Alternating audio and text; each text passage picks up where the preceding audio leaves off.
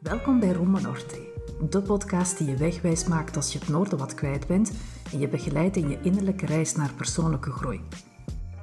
Ik ben Michelle Lippis van Thrive Coaching en als selfcare-expert en stress- en burn-out coach leer ik je te ontdekken hoe je veerkrachtig door het leven kan gaan. Ik nodig je uit op een avontuur waar zelfzorg, zelfliefde en zelfleiderschap jouw ankerpunten zijn. Dus, als jij nood hebt aan dat duwtje in de rug dat je voedt met moed, tonnen positiviteit en zelfvertrouwen, dan ben je hier op het juiste adres. Sta open voor nieuwe inzichten, zelfreflectie en aha-momentjes terwijl je luistert naar Rombo Norte.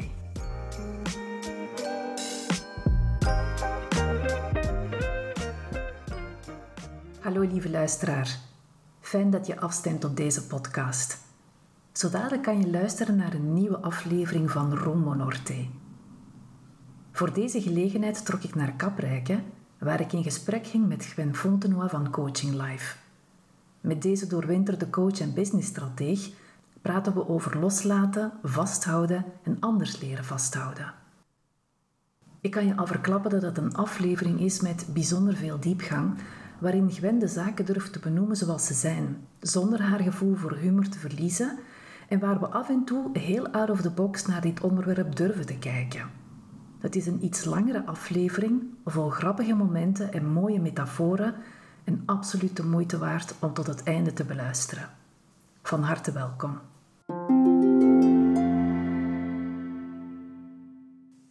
Ik probeer nog steeds een manier te vinden om Gwen te introduceren en deze woorden komen bij me op. Duurzaamheid, groeimotor, vreewijs. Duurzaamheid staat voor alles wat zij in het leven doet. Niet alleen in haar werk, maar ook privé. Ze is de bezielster van Coaching Life, een loopbaancentrum met 50 inspirerende vrouwen en mannen waar ik als loopbaancoach mijn steentje bijdraag. Groeimotor. Met meer dan 15 jaar ervaring als strateeg en coach is Gwen vandaag vooral actief om op duurzame wijze haar eigen business exponentieel te laten groeien, maar ook ondernemers te helpen in hun groeiproces van hun eigen business. Vreewijs. En voor jij die uit Nederland luistert, het is een typische uitdrukking die eigen is aan het Gens dialect. Je kan het vertalen als onwijsgaaf. Naast haar werk geniet ze van schilderkunst.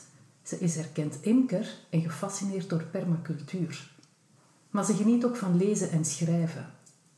Dit bezig bijtje heeft niet stilgezeten. Ze is auteur van talrijke boeken zoals Pompoenen en Poëzie, Oneindige Organisaties, Career Happiness en Van Burn-out naar Balans. Met deze introductie begrijp je waarom het niet voor de hand liggend is om Gwen in één woord te omschrijven. En je weet nu al, dit wordt een super interessante aflevering. Van harte welkom, Gwen. Hallo, Michel. Ik zou heel graag met jou in deze aflevering willen praten over vasthouden, loslaten en anders leren vasthouden. Dat is een topic dat uh, heel breed kan gaan en vele lagen heeft. En net daarom lijkt het mij heel interessant om er met jou dieper op in te gaan. Zullen we eens eerst kijken naar vasthouden en loslaten? Oké. Heel wat mensen, mezelf met momenten inbegrepen, vinden loslaten heel moeilijk en lastig. Hoe komt dit volgens jou? Uh, een vasthouden is, een veilige beweging. Hè. Je ziet dat met de handen, dat is ook een, een inwaartse beweging. Ik houd iets vast. Terwijl loslaten zitten we op een controleverlies, een, een tekort aan veiligheid. Waar dan natuurlijk uh, angst bij komt kijken. Die emotie angst, waar dat de meeste mensen niet zo uh, happy op zitten te wachten. Dus vasthouden voelt van nature veel veiliger, maar is daarom niet duurzamer. Nee, inderdaad. Vaak gebeurt dat dan een klant komt bij ons, omdat deze vastzit in een bepaald aspect van zijn of haar leven. De wil voor verandering is er meestal wel, maar dat houdt soms ook in dat men bepaalde patronen, overtuigingen of andere zaken, misschien zelf personen, eerst moet leren loslaten. Hm. Je zei er net al dat veiligheid, dat dat een van de redenen is waarom dat we zo blijven vasthangen in situaties die ons niet altijd langer dienen. Maar is dat het enige waarom dat iemand in een situatie blijft vasthangen?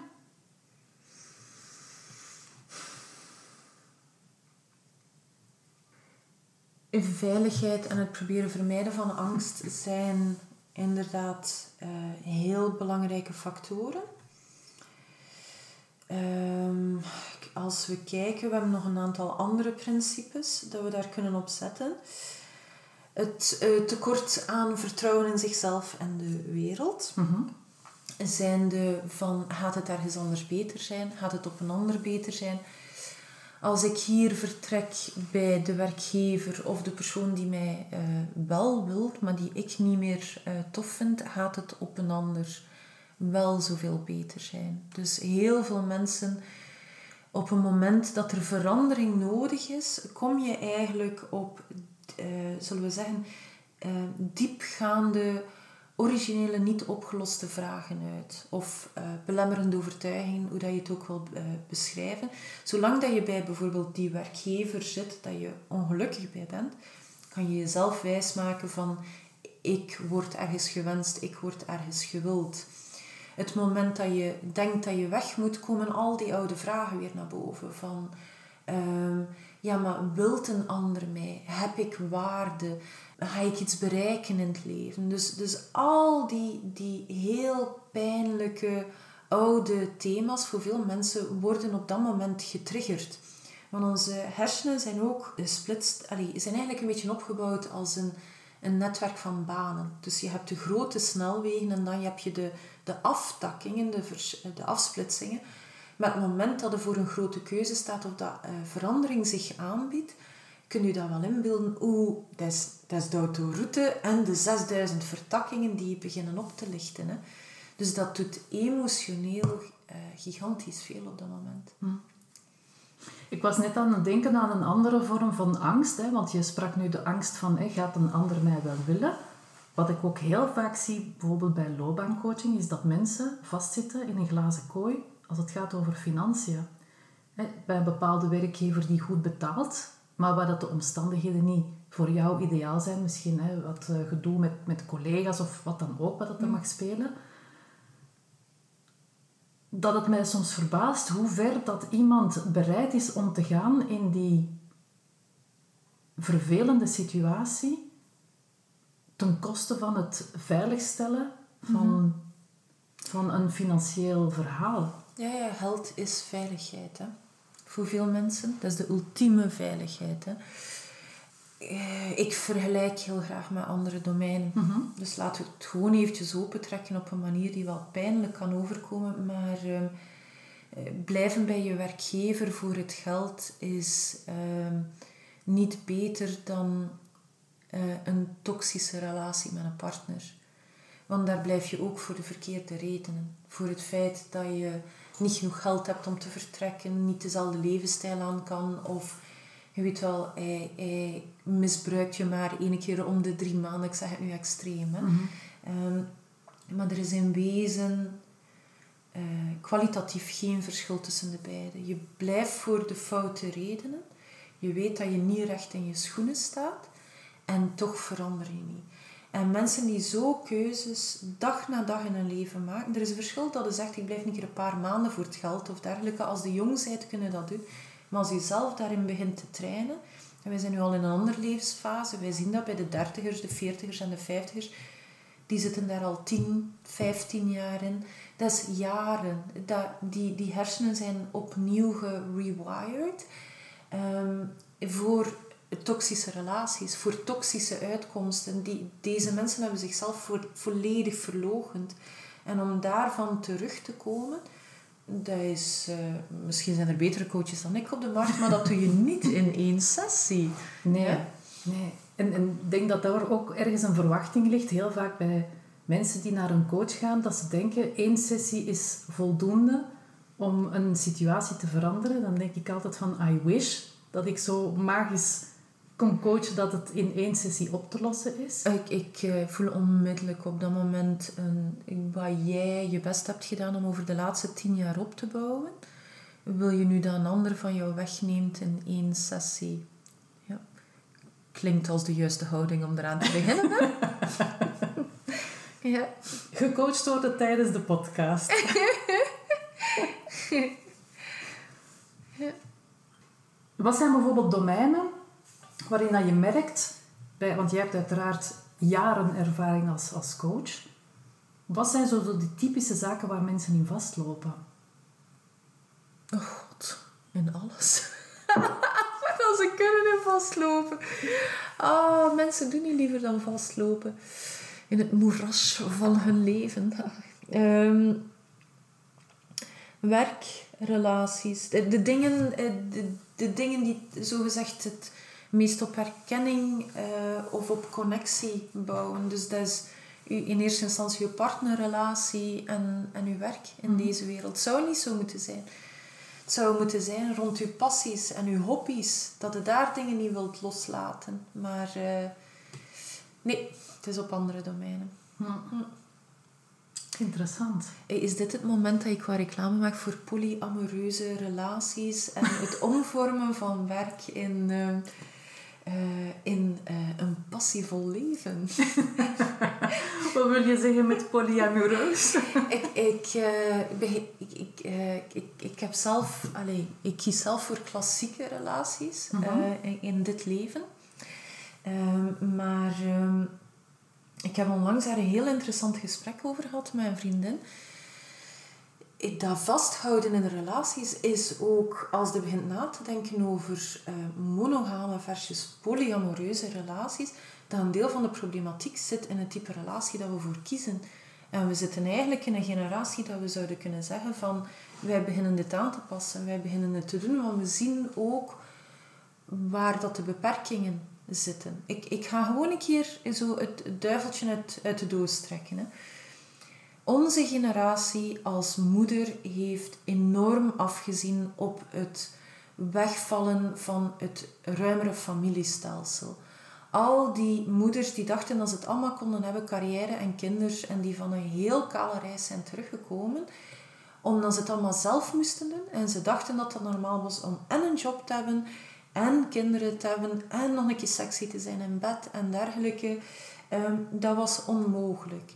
Um, en wij komen normaal gezien van stelsels waarin dat het niet enkel op de familie, alleen de gezinseenheid terug, dat, dat je een Hans gezin of een Hans dorp hebt om mensen op te voeden. Wel, moesten wij een keer anders tegenover relaties gaan staan, wat meer loslaten. Bijvoorbeeld, ik geef gewoon een voorbeeld. Mm hè. Uh, moesten we daar anders over beginnen denken? En zeggen van, ah kijk, uh, je weet wel, ik heb een, een, een dichtere relatie met twee of drie mensen. Um, zou één persoon al niet verantwoordelijk worden voor het invullen van mijn noden, waar dan ander nooit voor verantwoordelijk mag gesteld worden. Maar anderen zouden ook kunnen meehelpen op verschillende fases van mijn leven. En in alles dat je zegt, allee, dat ik nu aan het zeggen voelde al dat loslaten of dat die nieuwe vorm van vasthouden op relatieniveau. Dat ik kunt zeggen van, ah maar kijk, maar deze persoon komt in mijn leven omdat ah, die heeft een verlangen om papa te zijn. Maar dan heb ik een vriend die bijvoorbeeld ehm, eh, heel goed met geld omgaat. Dan heb ik een andere vriend die bijvoorbeeld ehm, graag een keer uh, mij op reis meeneemt, dat ik dat aspect van mezelf kan exploreren. Maar wij houden zo vast aan ons werk moet zo zijn, onze relaties moeten zo zijn, um, onze maatschappij moet zo zijn dat we volledig blind zijn geworden voor wat dat het ons kost om niet over te stappen naar iets nieuws. Dat doet me zo denken, er is zo een, een tv-programma, denk ik, op TLC, dat heet Sister Wives. Um, is niet zo direct het programma waar ik naar kijk, maar ik heb mezelf al wel een paar keer erop betrapt dat ik toch er even naar kijk, omdat ik geïntrigeerd ben van hoe is dat? Mhm.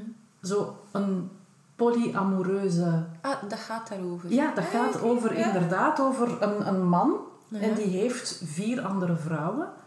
Um, en het is uh, reëel of het is fictief? Nee, nee, nee, het is reëel. Ja. Ah, oké.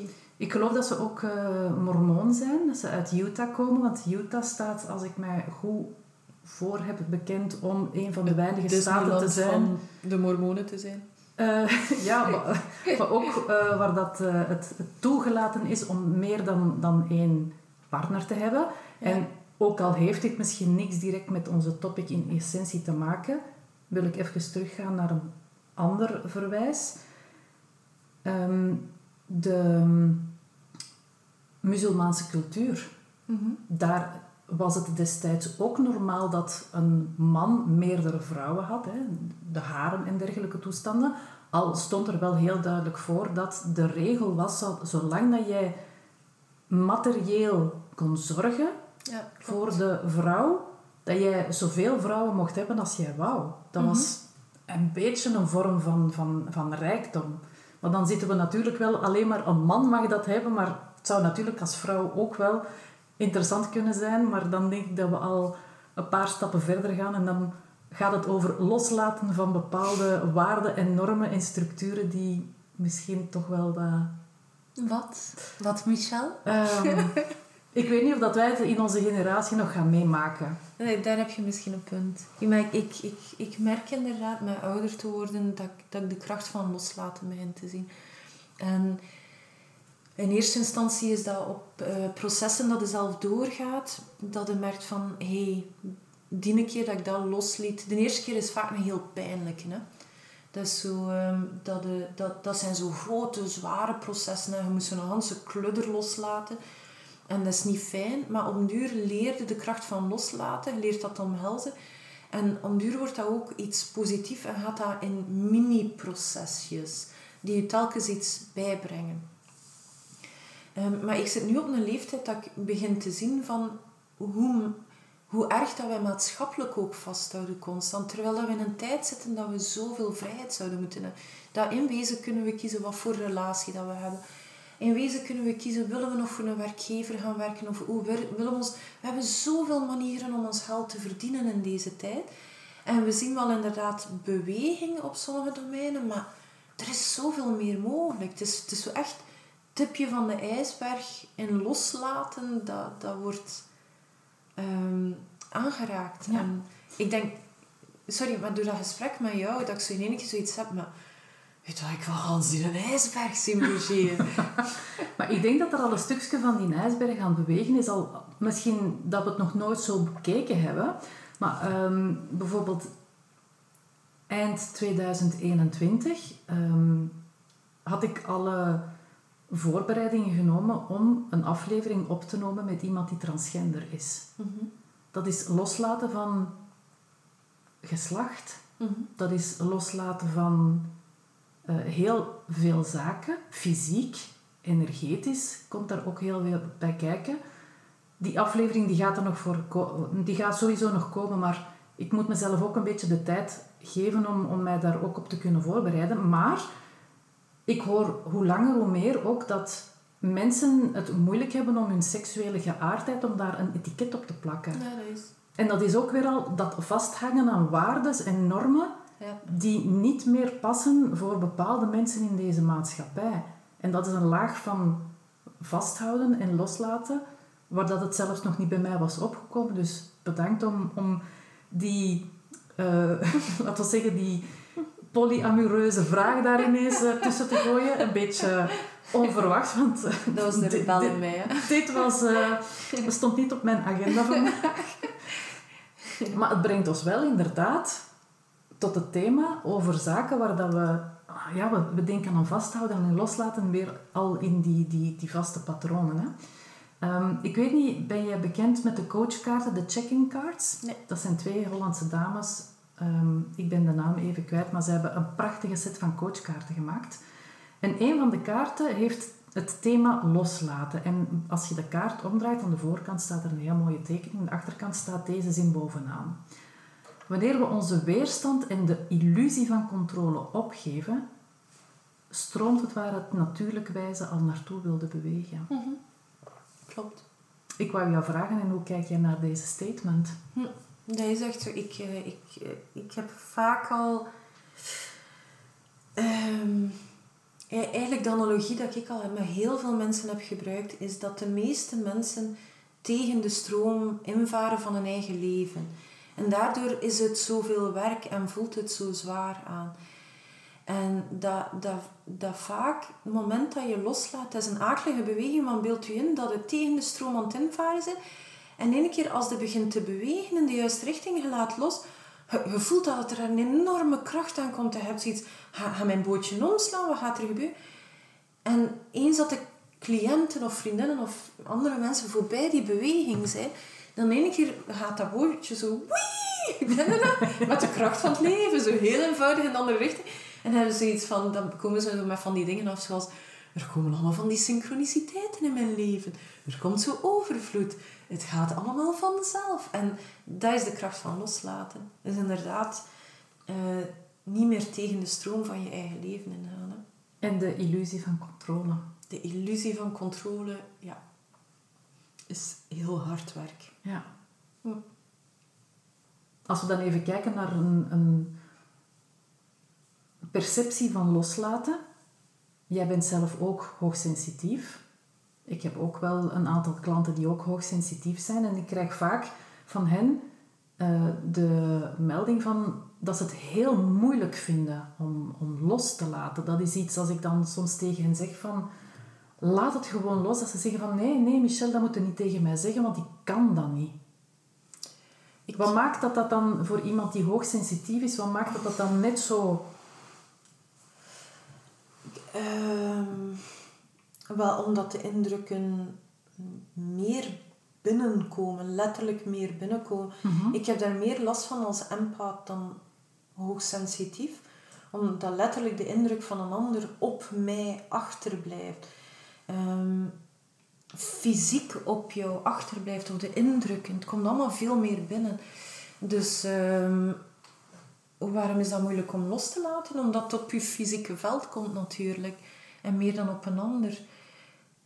Maar ik zou het omgekeerde zeggen. Ik, ik heb juist over de jaren enorm veel geïnvesteerd in technieken van loslaten, controle loslaten. En ik vind het niet zo leuk als technieken te gebruiken op het einde van een dag of van een werkweek. Of om de controle zoveel mogelijk los te laten. En alles dat nog vast in mij zit, los te laten. En ik weet niet waarom dat, dat zo raar klinkt, maar hoe meer dat vast zit, hoe leuker dat ook is als het loskomt. Dat is een feit dat juist is. absoluut, absoluut. Ah, die moet je verdomd inhouden. Ja. ik zou zeggen, laat u gaan. Maar hou het toch even vast.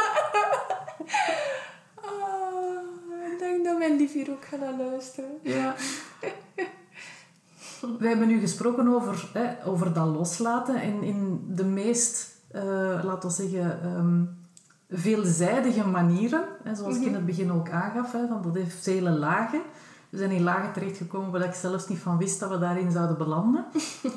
um, maar dan hebben we ook het loslaten dat eigenlijk meer iets heeft van het anders vasthouden. Mm -hmm. um, en ik denk dat dat misschien iets is dat voor veel mensen ook wel herkenbaar gaat klinken. Ik denk dan bijvoorbeeld bij het verwerken van verlies. Hè, verlies van dierbaren, mm. van een relatie, van gezondheid. Mm. Dat zijn situaties die je niet altijd zomaar kan loslaten. Mm -hmm. En dat het ook niet noodzakelijk is om ze los te laten. Maar dat het wel waardevol gaat zijn om ze anders te leren vasthouden. Hm. Om maar een voorbeeld te geven. Hè? Ja, ja, ik... Uh ik begrijp van, waar, dat, van, van waar dat je komt. Um,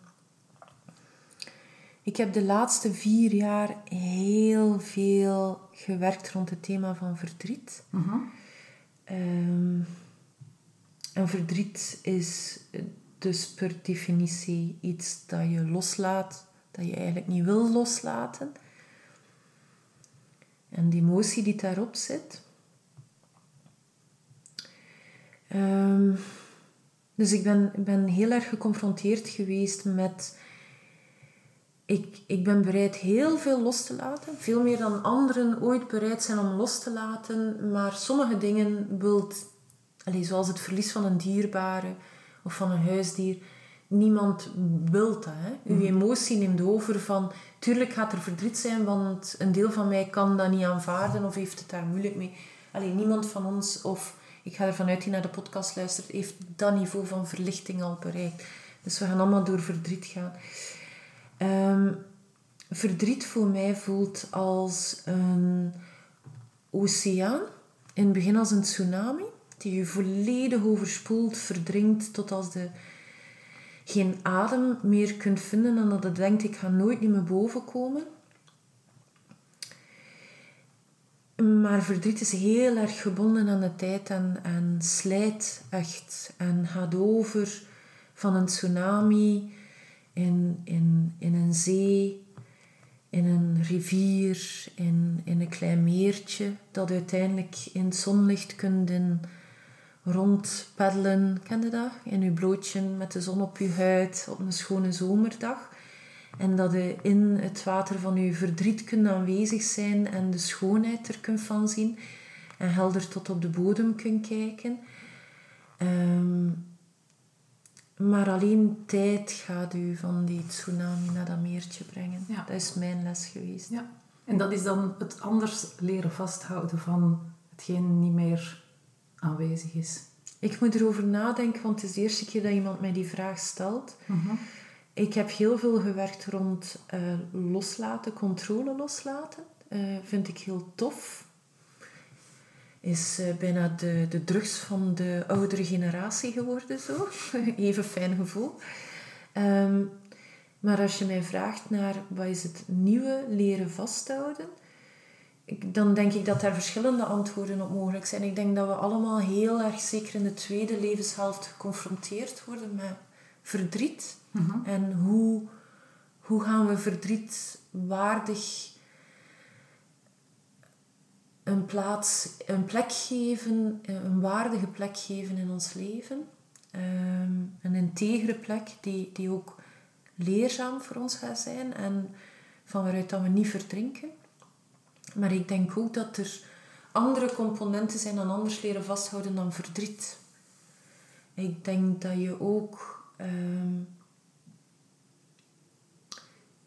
anders kan leren vasthouden. ehm, wacht, ik, ik moet echt nadenken naar, naar mijn woorden zoeken, want we hebben hier daarnet voor de podcast ook over relaties zitten spreken. Onze relaties, want dat doen wij graag, hè, zo'n beetje tetteren. Ehm, en daar- Monogame relaties voor onze monogame relaties voor bepaalde mannen die aan het luisteren zijn. Ja. Ehm, maar ik, denk dat ik nu inderdaad in een levensfase zit dat ik anders aan het leren vasthouden ben. Zonder daarom los te laten, zonder daardoor met verdriet geconfronteerd te zijn. Maar wat is ehm, aanwezig zijn in alle vrijheid, in het hier en het nu en in openheid. En dat is een leerproces en dat is een vraag. Want als je niet vasthoudt, dan moet je ook niet loslaten of niet losgescheurd worden. En blijft die tsunami ietsje verder weg. Hè? We exploreren, hè? Ja. Totaal. ja. Wat heb jij onlangs losgelaten en waarom? Wel, blijkbaar mijn identiteit op social media. Ehm, ik, ik, ik heb veel dingen losgelaten de laatste tijd. Eh, de laatste vier jaar heb ik het een na het andere losgelaten. Maar eh, inderdaad, eh, social media. Ehm, ik, ik, ik voelde gevoelsmatig dat ik mij niet meer comfortabel voelde. Voornamelijk met Facebook. Dat je er te veel tijd aan spendeerde. En ook, het begon ergens allemaal fake te voelen. Zo van, waar, eind, waar begon Gwen en waar eindigde eh, de strateeg of de zaakvoerder? eh, je weet wat ik wil zeggen, hè? Van, ik, in welke mate... Allee, ik bedoel, ik kon niet meer een foto van mezelf in mijn bloot gat op mijn Facebook zetten, met ondertussen ook zaakvoerder van, van een bedrijf te zijn. Ik, ik- dus je moet constant nadenken. Ehm, en dan ook al die filmpjes en al die info. En als ik... De, de vraag is vrij simpel. Als dit iets doet, op het einde is uw energie dan omhoog gegaan of naar beneden gegaan? Wel, als er van Facebook komt, kan ik u garanderen dat uw energie in 9 van de 10 gevallen lager staat dan dat erop zijn gegaan. De standwoord is simpel. Dan moeten die dingen beginnen loslaten. Maar als zaakvoerder, als coach, weet je wat? Iedereen moet naar Facebook en iedereen moet naar Instagram. Uw instroom komt via dat. Man, dat was door lage angst gaan. Maar als ik naar mijn buikgevoel luisterde, had ik echt zoiets van... Dat voelt niet meer goed. Ehm, ik ga daaraf. Het, ik, ik heb wel twee dingen nieuw leren vasthouden. Het eerste is, LinkedIn heb ik gehouden. Waarom? Omdat dat voelt voor mij volledig zakelijk aan. Dat voelt voor mij volledig zakelijk aan. Ik heb daar allez, weinig van mijn persoonlijke identiteit. Dat is, dat is echt voor mijn zakelijke contacten. En dat is gewoon zoiets af en toe dat ik rond zakelijke dingen communiceer. LinkedIn spreekt ook niet aan om te blijven scrollen. Na vijf minuten nee. zijn het redelijk kotsbeu. Um, en het tweede dat ik gedaan heb, um, is, um, ik, ik, ga eerlijk zeggen, dus met de Coaching Tribe, het tweede bedrijf dat ik nu in 2022 heb opgestart, is, er, is Fleur aangesteld als marketingstrategie. Uh, en zij gaat wel via social media en ik denk dat wij mag moet dat goed horen. Ik denk dat wij op Instagram een heel goede following base hebben. Ja? En dat dat heel goed wordt uitgebouwd. Maar ik zie die Instagram pagina één keer om de twee, drie maanden als ik met Fleur afspreek. En voor de rest heb ik vertrouwen in haar dat zij dat wil beheren.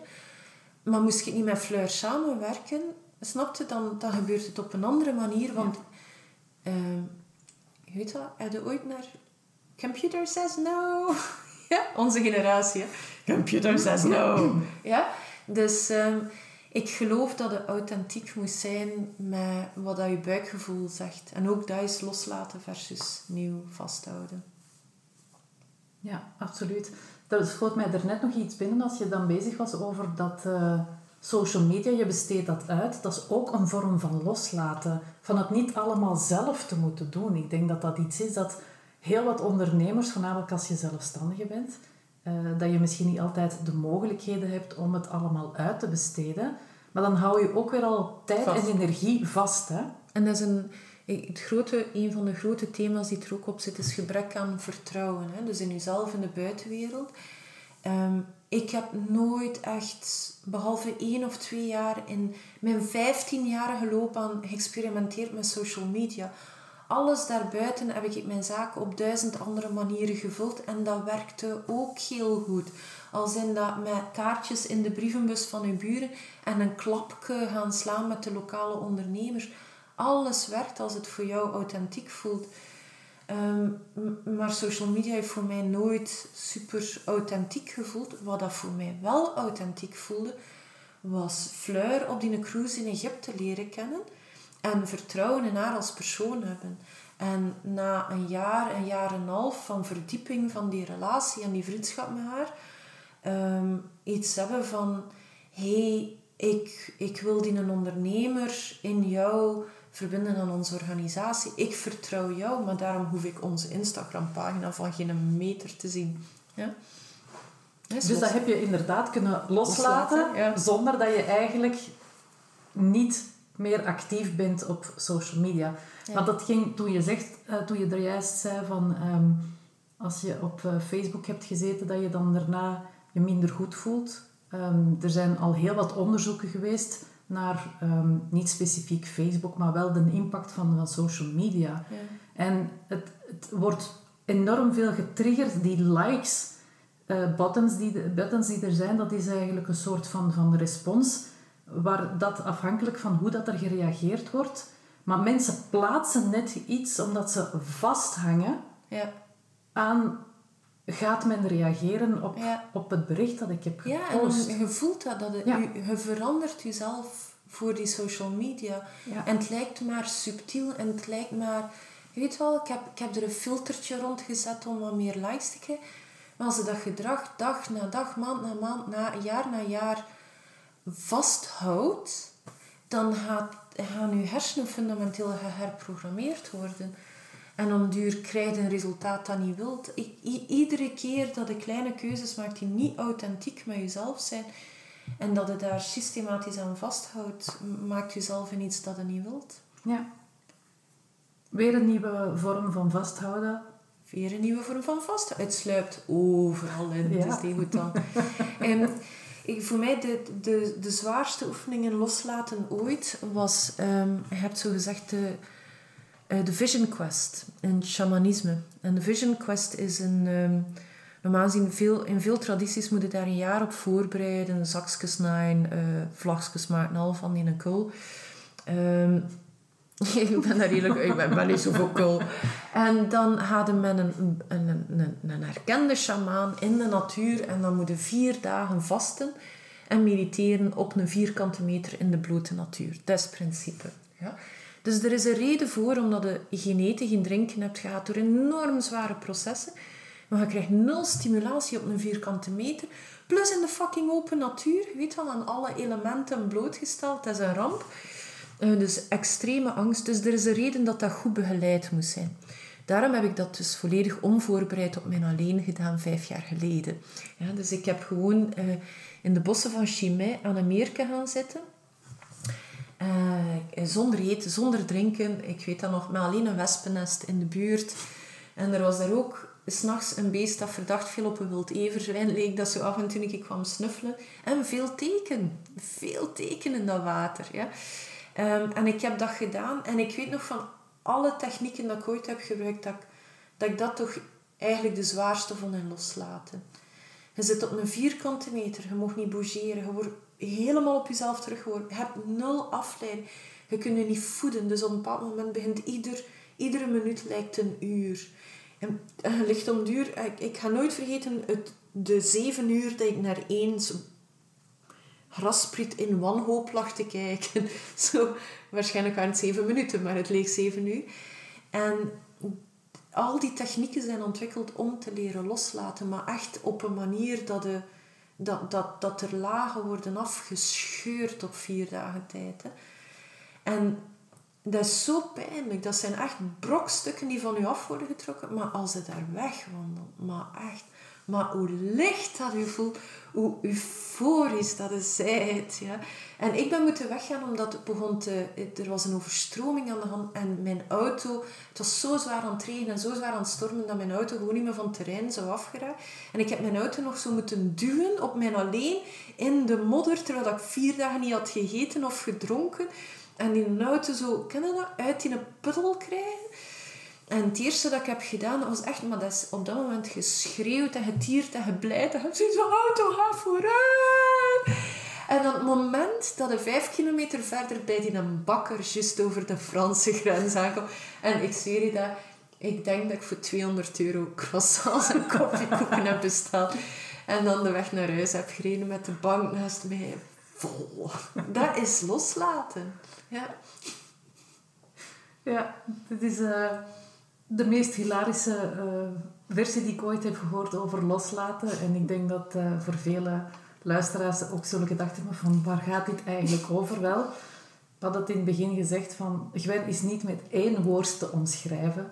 Uh, er zijn heel veel lagen aan haar. Een stuk vreewijs, een stuk groeimotor, een stuk... Duurzaam dus. Duurzaam. een stuk duurzaam. En um, ja, dat is ongeveer wel een beetje wat dat uh, in, in deze aflevering allemaal naar voren is gekomen.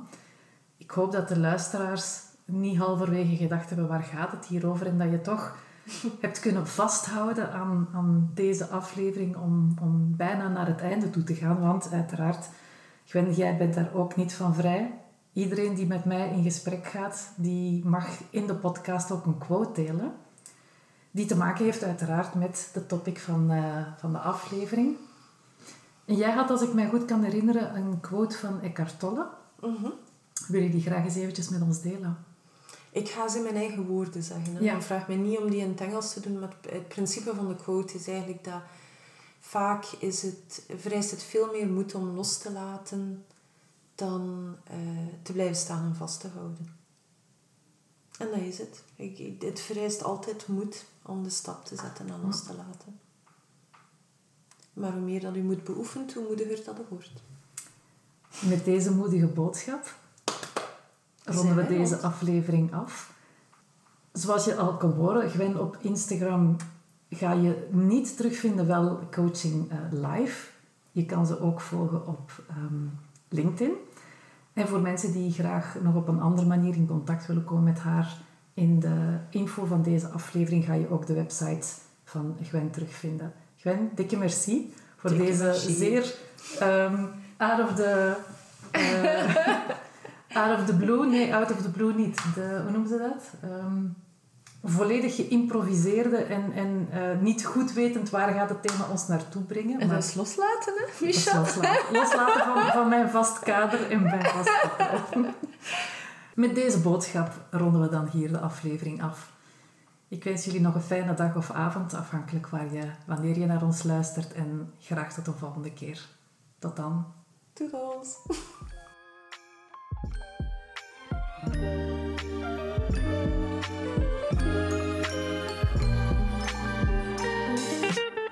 Super tof dat je luisterde naar deze aflevering van Rumbo Norte. Dank je wel. Werd je geïnspireerd door deze aflevering? Of ken je iemand die ook interesse heeft in persoonlijke ontwikkeling op een down-to-earth manier? Delen mag altijd. Laat een beoordeling of review achter op de app waarmee je naar deze podcast luistert, bijvoorbeeld iTunes. Het achterlaten van een review is heel eenvoudig. Scroll door naar beoordeling en recensie, geef een score vertel waarom jij deze podcast leuk vindt. Zo maak je het mogelijk dat anderen de weg naar Rumbo Norte ook kunnen vinden. Oh ja, en als je graag wil weten wanneer er een nieuwe aflevering beschikbaar is, dan kan je je abonneren op deze podcast. Ik wens je nog een fantastische dag en graag tot een volgende aflevering.